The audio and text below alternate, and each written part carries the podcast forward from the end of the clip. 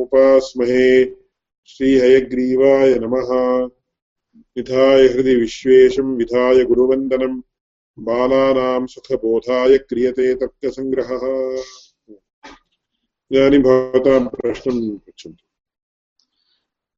तत्र दलद्वय, दलद्वयं स्वीकृत्य यत्र दोषः भवितुमर्हति इति वयं विचारयन्तः आस्म। तदानीं तु चक्षुर्मात्रग्राह्यम् अनन्तरं चक्षुर् इतर इन्द्रियैः चक्षुरेतर इन्द्रियैः चक्षुरिन्द्रियग्राह्यम् इति सत्यं सत्यं। चक्षुर्मात्रग्राह्यम् इत्य इत्यस्य एव दलद्वयमस्ति सत्यं चक्षुषा ग्राह्यम् अनन्तरं हम्म। चक्षुरेतर इन्द्रियैः अग्राह्यम् इति तावद्मात्रं गुणत्वं न स्वीकुर्मः चेत् तर्हि तत्र रूपत्वम् अनन्तरं रूप अभावः अपि आगच्छन् आगच्छतः इति अस्ति वा? इत्युक्ते तत्र अतिव्या अतिव्याप्तिः। रूपत्वजातौ रूपाभावे च अतिव्याप्तिः। हम्म। अस्तु। रूपत्वं नाम तद् सामान्यमस्ति अतः गुणः नास्ति। अतः गुणत्वम् इति स्वीकर्तव्यम्। इति अस्तु, तदेव तत्र किञ्चित् स्पष्टीकरणमासीत्, किमपि अन्यथा किम् अन्यथा किमपि चिन्तितं, किन्तु एतदेव अन्ततो गत्वा चिन्तितवन्तः। तदेव, अनन्तरम् अन्यत् सर्वम् इदानीं स्पष्टम् इत्येव अहं मन्ये, अन्यदस्ति चेत् अहं प्रक्ष्यामि। इदानीं मम एकम् एकः विषयः भातः तत्र, सप्ताहे एकवारं तत्र प्रश्नोत्तररूपं वा, अथवा एकैकेन विषयप्रतिपादनं वा कर्तव्यम् इति। कः कः विषयप्रतिपादनं करोति इति भवत्सु एकः निर्णीय। तत्र पार्थन् महाभागाय ईमेल् प्रेषयन्तु। पञ्चनिमेषपर्यन्तं वा दशनिमेषपर्यन्तं वा एकः भाषितुं प्रभवति। तदानीं तत्र भवतां मध्ये अहं प्रश्नान् पृच्छामि। तदानीम् अतीव सौकर्यं भवति कुतः चेत् भवतामपि तत्र विषयाः सम्यक् अवगन्तुं शक्यते. यदा यदा अस्माभिः एव उच्यते तदानीमेव तत्र सन्देहाः आगच्छन्ति अथवा अयम् अंशः न ज्ञातः अयम् अंशः न ज्ञातः इति ज्ञातुं शक्यते. नो चेत् यदा अन्येन उच्यते, तदानीम् अस्माभिः ज्ञातमेव भवति, तत्र सन्देहो नास्ति, परन्तु ज्ञातमेव भवति इति न वक्तुं शक्यते, ज्ञातमिव भवति इति वक्तुं वक्तव्यं भवति।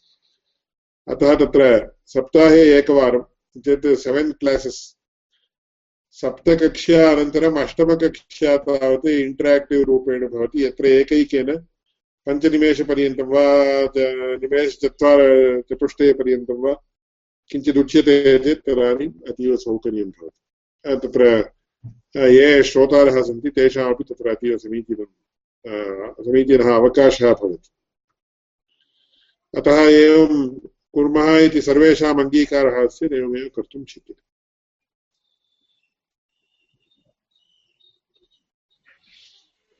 अवश्येन कुर्मः तर्हि इदानीम् अग्रे अथवा तत्र एकस्मिन् एकस्मिन् सप्ताहे एकदिनम् इति वा तत् कथम् इति भवन्तः परस्परम् आलोच्य मह्यं वदन्तु। तदनुगुणतया कर्तुं शक्यते। मात्रग्राह्यो गुणोरूपम् इति तत्र तस्य वाक्यस्य मात्रपदस्य भेदः अभावश्चार्थः इत्यादिविषयः शाब्दबोधकथनावसरे उच्यते।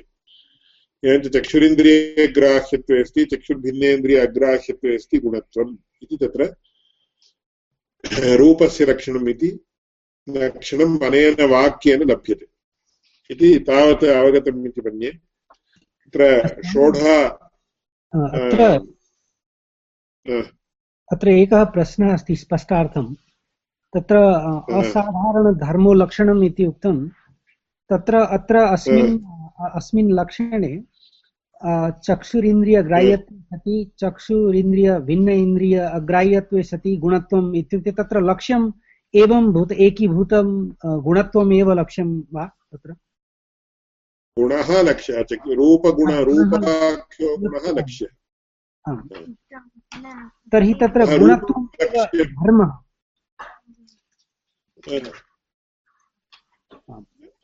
भवतां प्रश्नः कः पुनः पृच्छतु किञ्चित् उच्चैः। आम् तत्र प्रश्नः आसीत् तत्र लक्ष्यम् अस्ति रूपं हम्म। तर्हि रूपे विद्यमानः गुणः अस्ति तत्र गुणत्वं कथं भूतं गुणत्वम् इत्युक्ते चक्षु चक्षुरिन्द्रियग्राह्यं परन्तु चक्षुरिन्द्रियभिन्न इन्द्रिय अग्राह्यम् एवं भूतं गुणत्वम् एव तत्र असाधारणधर्म वा?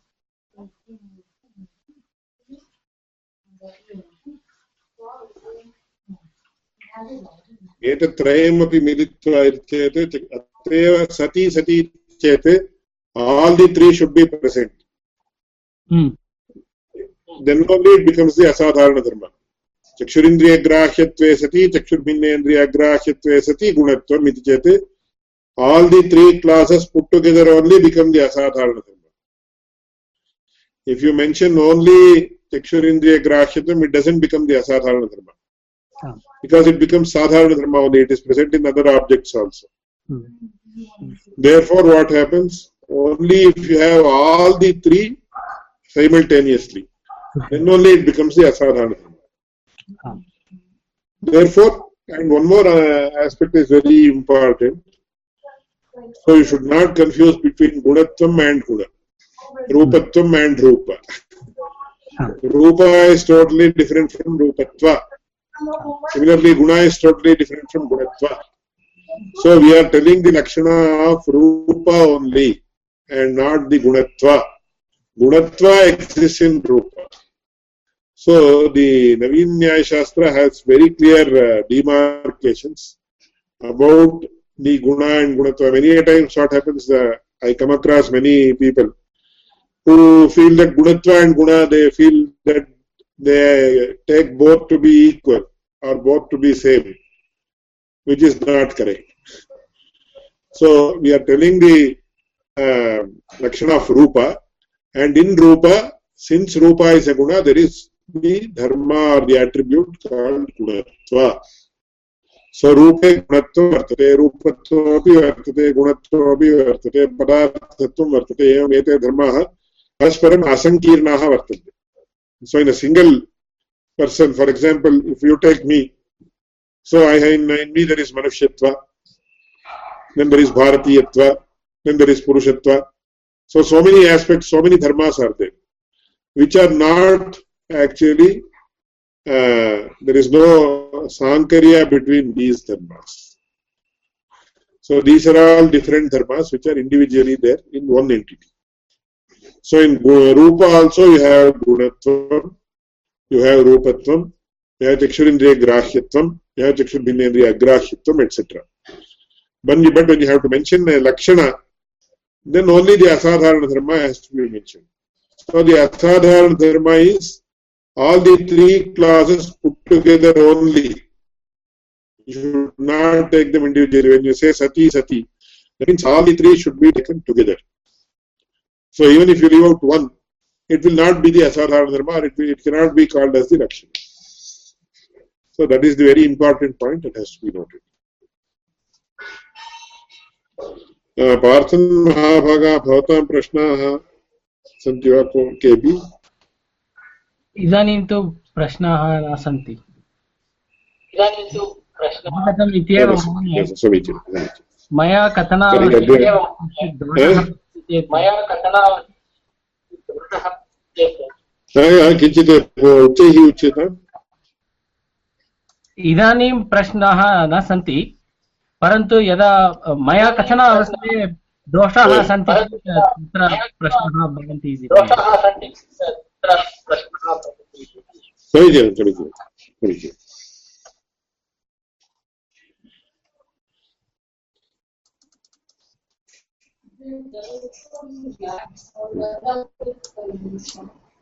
Hum, muito claro.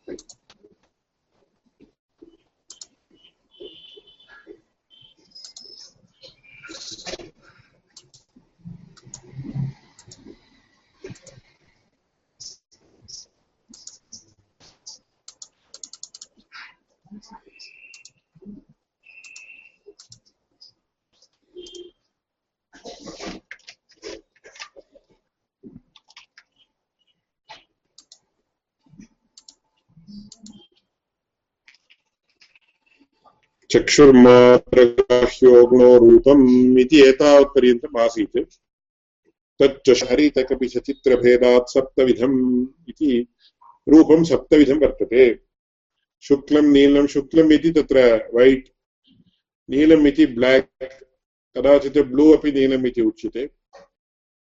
पीतम् इति येल्लो रक्तम् इति रेड् हरितम् इति ग्रीन् कपिशम् इति तत्र पश्यन्तु किमिति।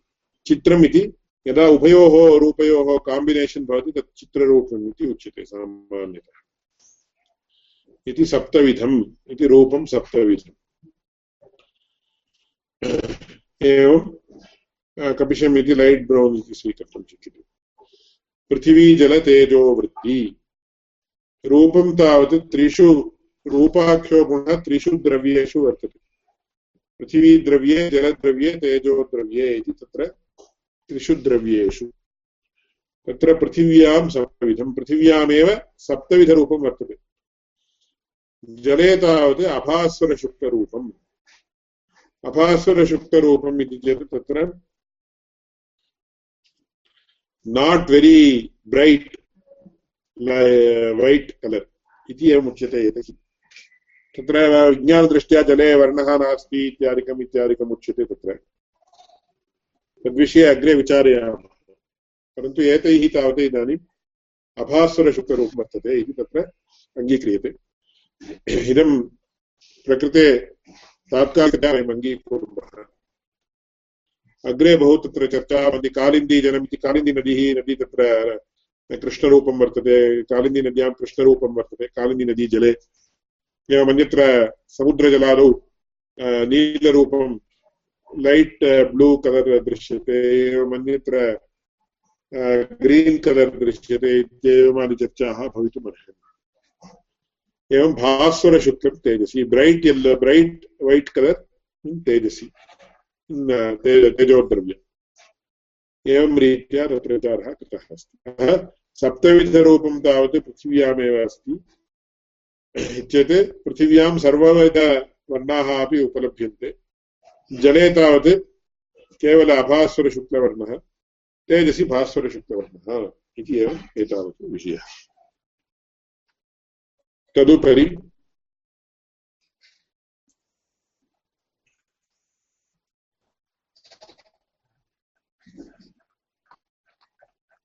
रसनग्राह्यो गुणो रसः पूर्वलक्षणापेक्षया को भेदः इत्युक्ते मात्रपदं नास्ति। तत्र चक्षुर्मात्रग्राह्यो गुणरूपम् इति कथनात् चक्षुरिन्द्रियग्राह्यत्वे अस्ति चक्षुर्भिन्नेन्द्रियग्राह्यत्वे अस्ति गुणत्वम् इति। अस्माभिः दलत्रयं दृष्टम्। अत्र तावत् रसनग्राह्यः गुणः इति दलद्वयमेव वर्तते। एवञ्च रसस्य लक्षणं किमिति चेत् रसनग्राह्यत्वे सति गुणत्वम् इति।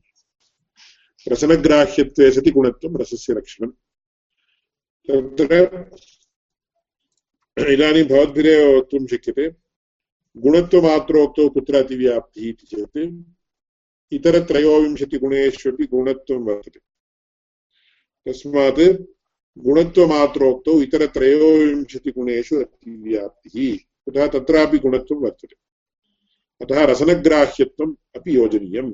अत्र ए बि इति क्लास् द्वयम् इति उक्त्वा तत्र ग्राफिक्स् अपि प्रदर्शयितुं शक्यते। परन्तु पूर्वतनलक्षणवदेव अस्ति इति कृत्वा न प्रदर्शितम्।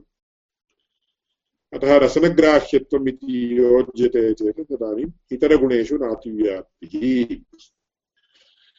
एवं रसनग्राह्यत्वमात्रोक्तौ को दोषः इति चेत् पुनः स एव नियमः अनुसन्धेयः। येन इन्द्रियेण या व्यक्तिर्गृह्यते तन्निष्ठा जातिः तदभावश्च तेनैव इन्द्रियेण गृह्यते इदानीं मधुररसः अस्माभिः तत्र रसनेन्द्रियेण गृह्यते एवञ्च मधुररसः यथा रसनेन्द्रियेण दृश्यते तथैव तत्र माधुर्यं, मधुरत्वम् अथवा रसत्वम् एवं मधुरत्व अभावः इति द्वयमपि तत्र रसनेन्द्रियेणैव गृह्यते।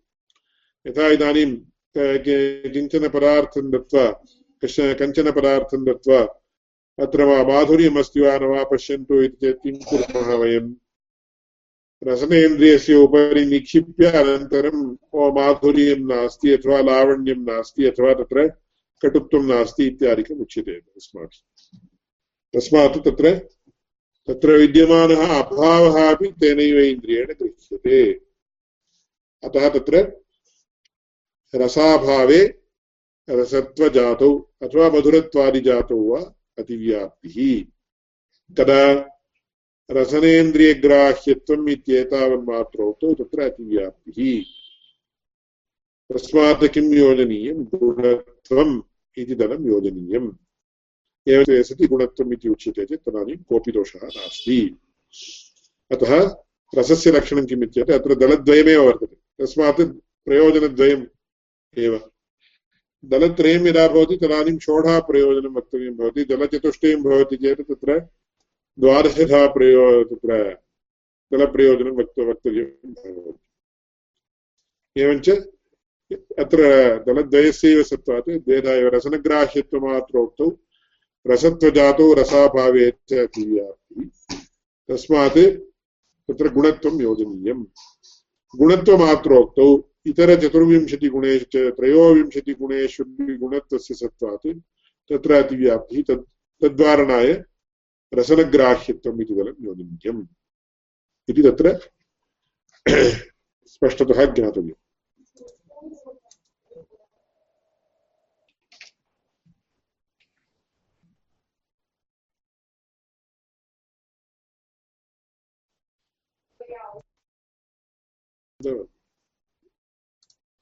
तदुपरि स च मधुराम्ललवणकटुकषायतिक्तभेदाच्छड्विधः इति तत्र रसः षड्विधः भवति।